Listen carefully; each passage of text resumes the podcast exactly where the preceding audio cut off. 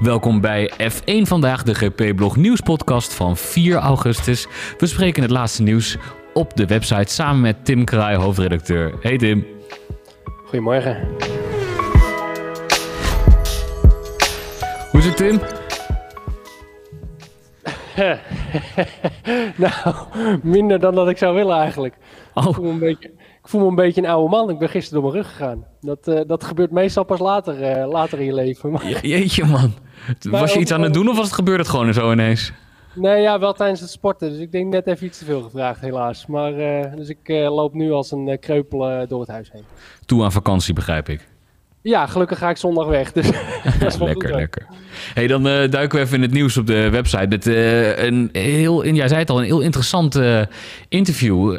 Eh, Fernando Alonso sprak met de BBC. Waren twee punten waar hij wat, wat eh, gewoon het leukste aan was. Een flinke sneer naar Otmar Safnauer. Hij was het wel mee eens hè, dat eh Safnauer Alpine verlaat. Nou, dat niet eens per se, maar het was meer gewoon dat, dat hij eh, in, in alles liet blijken dat Safnauer eh, volgens hem geen respect had gehad voor zijn carrière. Eh Safnauer moest nu maar even gewoon zijn mond dicht houden als, als hij keek naar de prestaties. En nou, ergens heeft hij natuurlijk wel een punt, want Safnauer heeft natuurlijk heel hoog van toren geblazen vorig jaar dat ze Alonso te oud vonden. Eh, dat ze hem niet een meerjarige deal wilden geven. Ja, en als je nu ziet hoe Alonso presteert bij Aston Martin, eh, Piastri die ze ook eh, ja, hebben laten ontglippen. En als je ziet hoe die nu presteert bij McLaren en je kijkt dan welke twee coureurs Alpine heeft. Ja, dan is de tik ergens wel, wel te begrijpen van Alonso. En dat is natuurlijk ook eentje die niet op zijn mondje is gevallen wat dat betreft. Nee, exact. Dit, eh, dit is wat hij zei. Ik, eh, ik citeer hem even bij Spicy. Eh, hij zegt: Het is de manier waarop Alpine hun dingen doet, of haar, haar dingen doet. Of eigenlijk de manier waarop Safnauer zijn dingen doet.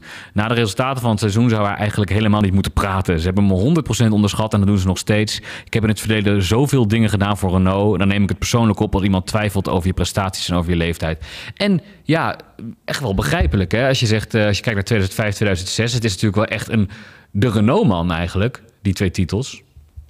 Ja, en ehm, het, het meeste, hetgeen waar ik het meest gelijk in geef, is, is de uitingen die Alpine en voornamelijk Safnauer vorig jaar hebben gedaan. En, en dat was één in de Alonso-saga, waarin ze gewoon heel vaak, ook al voor de contractdeal, hebben besproken van ja, hij wordt wel ouder, eh, we weten niet of we nog een lange deal met hem aangaan. Ja, dat zijn toch dingen die Alonso ook leest. En Alonso is toch een eergevoelig persoon.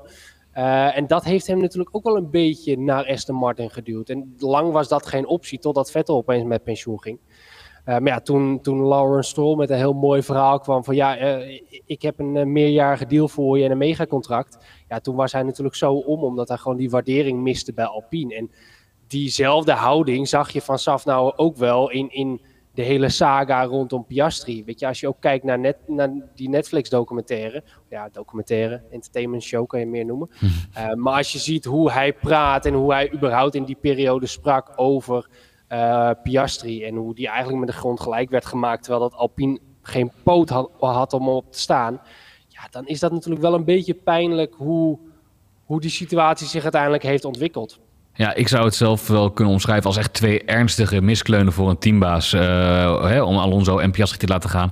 HJM Daal schreef ik op de website 1873 upvotes. Uh, Safnauer heeft zitten navelstaren. Zowel in de case van Alonso als Piastri. De rest is historie. Kijk, ik denk uh, daar kunnen we dat punt op afsluiten. Dan ging Alonso ook nog in op 2007. Nou, God, dat is natuurlijk ook wel weer iets. Um, 2007, Hongarije, um, de kwalificatie, het hele probleem met Hamilton. En op de kop, in de kop stond, ik heb nooit mijn verhaal kunnen doen daarover. Ik citeer hem eventjes uh, de eerste zin. Ik heb niemand bewust opgehouden destijds. Het team gaf mij gewoon oude banden. Dan is er verder nog een radiotranscriptie. Uh, waar gaat dit over? Nou ja, dit is natuurlijk wel een, ja, het bekende moment tussen Hamilton en Alonso waar het eigenlijk klapt in 2007. Kijk, Alonso werd gehaald als, als de tweevoudig wereldkampioen, regerend wereldkampioen. En die moest met McLaren weer een wereldtitel gaan halen. Uh, Hamilton werd als GP2-kampioen gepromoveerd. En, en dat botste gewoon. Alonso zegt nog altijd dat hem van alles is beloofd door Ron Dennis, de toenmalig teambaas en eigenaar. Uh, dat, dat hij de kopman zou worden. Alleen ja, Hamilton's prestaties uh, waren iets beter dan van tevoren werd verwacht. En Alonso kreeg op die manier niet echt die voor, voorrangs positie binnen het team. En ja, wat er dan wel in zo'n jaar gaat spelen, en dat heb je wel heel erg gemerkt. Iets wat je natuurlijk ook in de Verstappen-Hamilton battle hebt gezien. Dan, dan is de Formule 1 nog wel echt een Britse sport. En zijn er heel veel berichten rondom Hamilton, rondom kamp Hamilton, rondom kamp McLaren, dat echt wel op de hand was van Hamilton. En daar is heel veel over naar buiten gekomen. En toen de tijd was het echt wel zo dat Alonso een beetje werd weggezet als de, ja, als de bad guy. Hij, noemt zichzelf ook altijd uh, aan de dark side, zeg maar.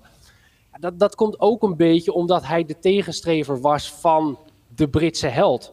En ja, weet je, dat, dat Hongarije-moment is daar heel typerend van. Kijk, daar is altijd over gezegd van ja, Alonso heeft hem opgehouden. Uh, die, Alonso kreeg uiteindelijk ook een straf. En Alonso heeft zich daar eigenlijk nooit zo over uitgelaten. Ik vond het wel interessant om dat nu te lezen, uitgerekend bij de BBC, wat natuurlijk gewoon een Brits, uh, Brits medium is. Exact. Dat hij zich daar zo over uitlaat dat, uh, dat één, hij natuurlijk, hij, hij werd naar achter gezet. Hij kreeg een gridstraf voor die race.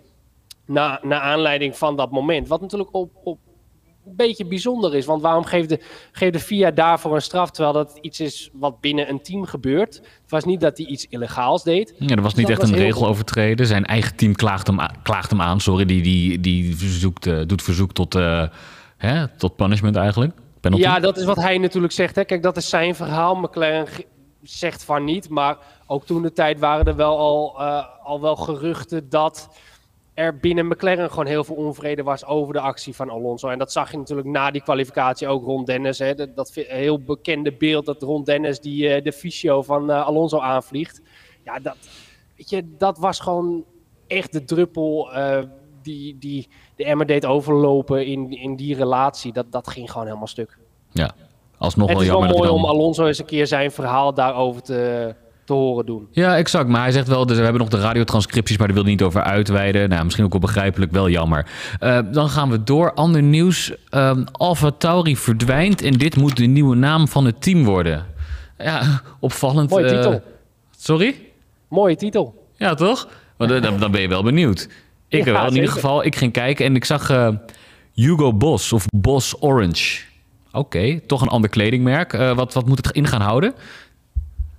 Nou, kijk, bij Alfa Tauri zijn ze gewoon, of heel veel bij Red Bull zijn ze op zoek geweest van, ja, oké, hoe gaan we dat team opnieuw vermarkten? En Frans Toos heeft er al vroeg geen geheim van gemaakt dat de naam zou gaan veranderen. Hem is toen ook gevraagd van, oh, gaan we terug naar Toro Rosso, hè, wat de Italiaanse benaming is voor Red Bull, uh, en hoe het team in het verleden heette. Nou, dat zou niet gebeuren, simpelweg omdat... Uh, het, het, team gewoon geld binnen wil harken met een sponsordeal. Nou, en de grootst mogelijke sponsordeal die je kan doen is natuurlijk een titelsponsor, waarmee je hele team uh, hult in een nieuwe livery. Nou, nu zijn ze dus heel ver inderdaad met Hugo Boss. Welke naam daar precies aan wordt gegeven is nog onduidelijk. Dat hangt een beetje af van de wensen van Hugo Boss. Maar uh, ja, ik denk, uh, ik denk een mooie, mooie naam om op, uh, op de grid te hebben. Kijk, Alfa Tauri is niet heel succesvol geweest. En dat, ja, het was ook een beetje een opmerkelijke keuze. Het, het kledingmerk van Red Bull. Maar ja, past dat nou helemaal binnen dat plaatje? Nou goed, nu hebben ze gewoon een mooie deal die eraan zit te komen. En het is een kwestie van tijd voordat die uh, bekend wordt gemaakt. Ja, blijven dus bij de kleding, maar het moet uh, daardoor wat zelfredzamer gaan worden met een grotere uh, geldimpuls. Uh, verder zal het nog steeds afhankelijk zijn van Red Bull qua management. dan gaan we door. Ik vond dit wel even een van de opmerkelijkste nieuwtjes hoor. Um, Calvin Lowe blijkt toch geen miljardair.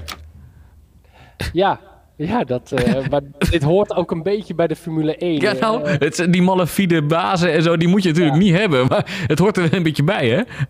Ja, Gandor appte mij ook al. Het lijkt wel een beetje de, de, ja, de, de Hongkongse variant van uh, Flavio Briatore. Of, of die, die Alpine gast die we aan de top hebben gehad. Ik kom even niet meer op zijn naam. Die toen ook werd opgepakt.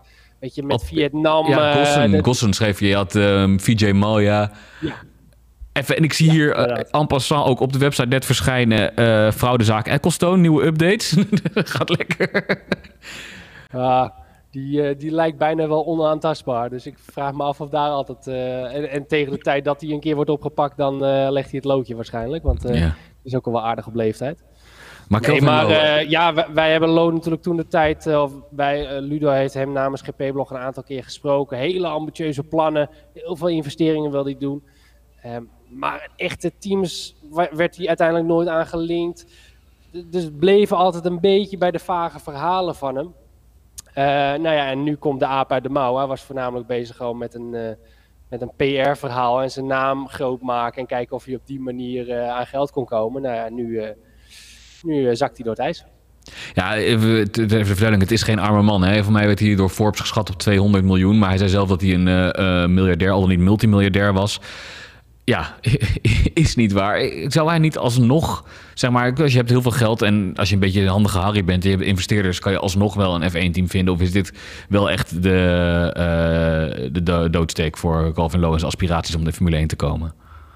Nou, zijn geloofwaardigheid eh, loopt in ieder geval wel een enorme deuk op. Dat is natuurlijk wel iets wat, uh, wat meespeelt. Kan hij nog steeds in de Formule 1, zo, Formule 1 komen? Ja, natuurlijk. Maar ja, wie gaat dan nu met zo'n uh, met zo'n man in zee? Dat, dat moet je dan altijd nog maar zien. Ja, exact.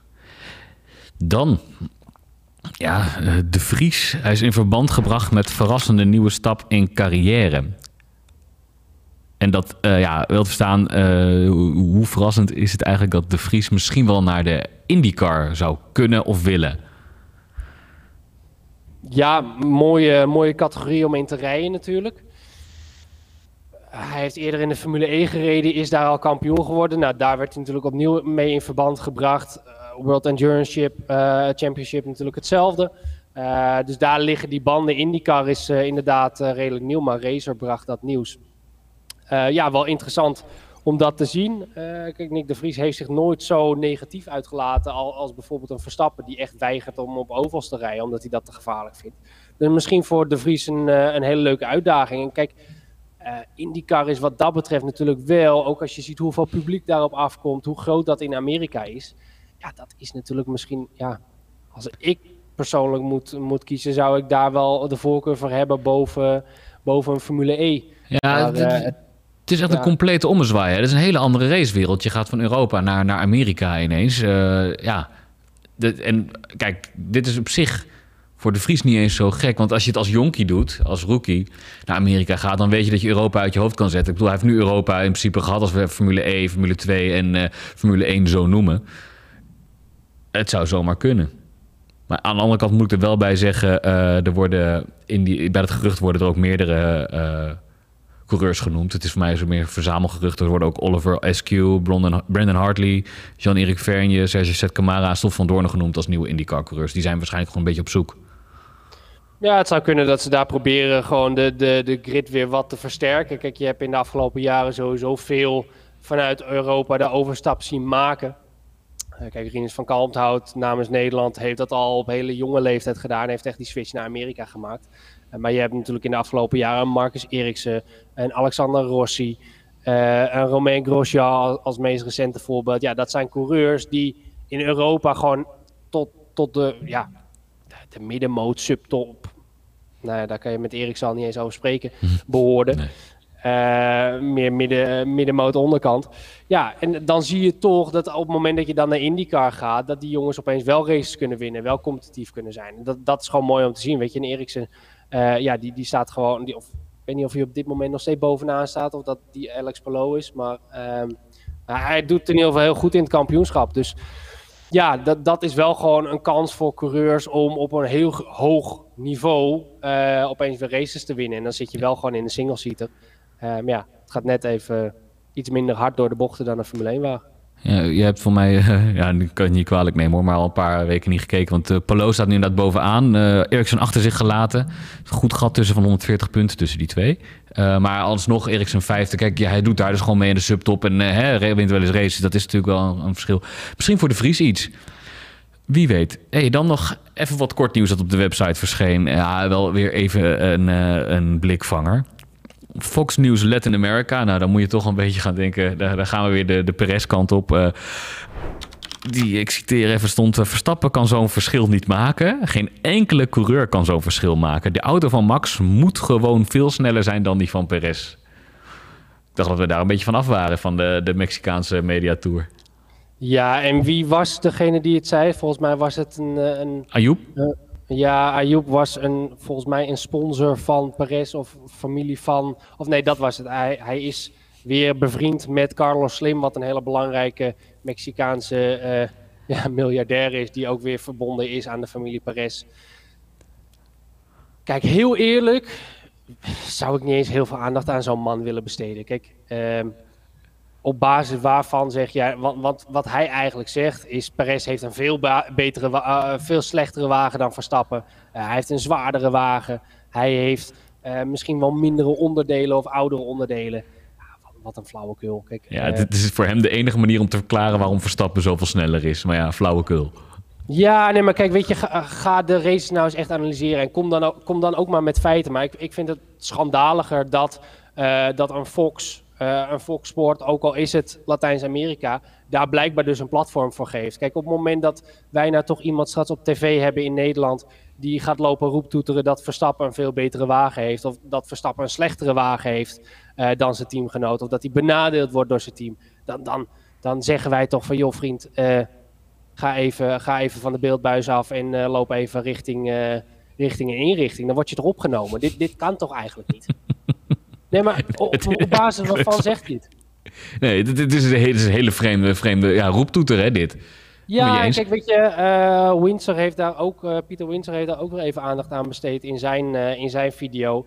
En Weet je wat hij ook zegt? Ga nou gewoon eens simpelweg kijken naar de beelden. Hoe, hoe sturen zij de bochten in? Weet je, daar zit zo'n groot verschil in. Dus het is onzin om te zeggen het ligt aan de wagen. Nee, ze, ze rijden gewoon anders. En het een is blijkbaar sneller dan het ander. En heel simpel, als je gaat kijken naar België, dat zei hij ook. Perez is sneller in sector 1 en in, vaak in sector 3 ook in België. Nou, dat vind ik knap als je dat dan doet in een auto die dus blijkbaar zoveel slechter is. Nee, hij heeft geen auto die slechter is. Verstappen rijdt zijn ronde anders, haalt veel meer uit sector 2, omdat hij anders omgaat in die bochten. Omdat hij die anders aanstuurt dan, dan Perez.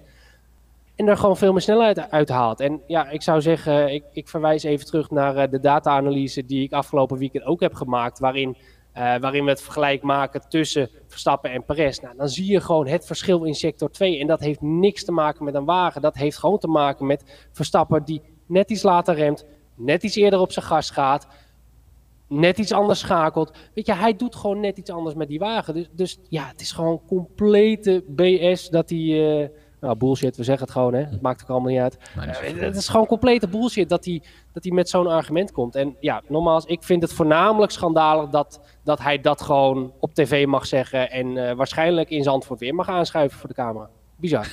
Ja, hey. dan uh, waren we bij Spa. Uh, daar was dan een Pirelli-test. Nu zijn die full wets of nee, ja, wat is het nou? Die um, zijn full zijn toch maar weer even getest. Op zich wel mooi, want uh, er zou juist getest worden met de slicks zonder bandenwarmers. maar het ging weer regenen, dus full wets. En die kunnen toch best wel wat getest gebruiken, toch? Ja, ja die, die kunnen een vuilstort gebruiken. Dat is wat ze kunnen. Je wilt toch wat data hebben om die dingen te verbeteren? maar het werkt gewoon niet. En kijk, voor Pirelli is dat op zich ook wel frustrerend hoor. Want uh, kijk, zij krijgen natuurlijk bakken met kritiek. Maar zij maken uiteindelijk gewoon een band die de Formule 1 wil. En die band, kijk, heel simpel gezegd, de, de full wet band op dit moment verspreidt zoveel water, zorgt voor zoveel spray, dat je er never nooit mee gaat racen. Want het zicht is te slecht om met die banden te kunnen racen. Buiten dat is die band zoveel trager dan de intermediate dat op het moment dat we eenmaal gaan racen en die spray minder is, gaat iedereen altijd naar de inters. Dus die full wets gebruik je op dit moment niet. Nou, dan zou je zeggen van waarom wordt die band dan niet aangepast? Ik, ik sprak Isola na de race en in het verleden konden we wel racen omdat er minder spray was en die banden waren veel dunner. Dan zorg je dus ook voor veel minder spray. Alleen heel simpel, de Formule 1 en de teams zelf ook, die dus nu klagen, hè, de teams en de coureurs, die wilden dat de band net zo groot is als alle andere banden. Want anders heb je weer aanpassingen aan je aerodynamica, aan je wagen. Dus die willen niet opeens dat je een andere breedte regenband krijgt. Ja, dat zou wel kunnen. Uh, sorry? Dat is wel begrijpelijk eigenlijk, hè? Ja, is op zich begrijpelijk. Maar ja, dan krijg je dus nooit een band die in die omstandigheden kan rijden zonder voor heel veel spray te zorgen. En weet je, ze oefenen nu met heel veel van die spatborden. Maar dat gaat, dat, dat, dat gaat ook nog jaren duren voordat dat op een efficiënte manier kan worden gebruikt. Ja, hoe, hoe ga je die erop zetten dan op het moment dat het begint met regenen? Weet je, dus um, Pirelli krijgt er heel veel kritiek en, en, en meestal ben ik het daar ook wel mee eens. Alleen ja, in dit geval zit ze ook wel een beetje met twee handen op hun rug gebonden. Want ja, zij moeten een grote band ontwikkelen die in die omstandigheden kan rijden. Alleen met die grootte En, en die hoeveelheid groeven die je er dan in moet maken om in die omstandigheden te kunnen rijden, zorg je nou eenmaal voor een bepaalde hoeveelheid aan spray. Dat helemaal in combinatie met de wagens die ook al voor spray zorgen. Dus ja, het, is op dit moment gewoon kansloos. tot zover ook het uh, korte nieuws. Tja, dit was de, de uh, F1 vandaag, het nieuws weer. Hè? Uh, Tim, jij gaat lekker op vakantie. Uh, wij blijven nog wel een beetje doorgaan hè, op de website. hoe gaat het eruit zien? Ja, op de website blijven we natuurlijk sowieso doorgaan met het laatste nieuws. En blikken we ook voornamelijk terug op het afgelopen half jaar. Van wat hebben we nou gezien? Dat is eigenlijk wat we ook in video- en podcastvorm gaan doen. F1 vandaag zal er daardoor in de zomer net even iets anders uitzien. Zoals zegt, ik ben even 2,5 weken even afwezig. Dus we zullen alleen nog op woensdag terugkeren voor de F1 vandaag in deze zomerstop. En vanaf de week van de Grand Prix van Nederland, de maandag voorafgaand daaraan, zijn we weer helemaal terug op maandag, woensdag en vrijdag. En daarna zullen we in de, in, ja, in de zomerstop nog met heel veel content komen. Uh, misschien uh, hebben jij en ik dan nog steeds hetzelfde tenue aan als nu. Uh, maar we komen in ieder geval nog met heel veel content. Denk, denk bijvoorbeeld aan, nou, we bespreken de chaos bij Alpine, maar ook even de cijfers van het afgelopen half jaar. interne duels. Weet je, ik denk dat er heel veel interessante dingen zijn om op terug te blikken en ook vooruit te blikken richting de rest van het seizoen. Ja, dat is een mooie samenvatting. Overigens, ik denk dat het wel een, ergens een zwart of beige shirtje wordt tussendoor. Um, ik wil jou gewoon heel veel uh, succes, succes, veel plezier wil ik je wensen op vakantie. Dan uh, zie ik je na vakantie weer. Dan is ook ja, de, de, undercut van Zandvoort al. Hè? Dan de hele raceweekend wordt ook geweldig. ik wil de kijkers en luisteraars bedanken voor het kijken en luisteren. Ik wil graag, zou graag willen dat jullie ook lekker mengen in de discussie. Zou ik heel leuk vinden. Ja, dit was hem. 4 augustus F1 vandaag. Doei doei.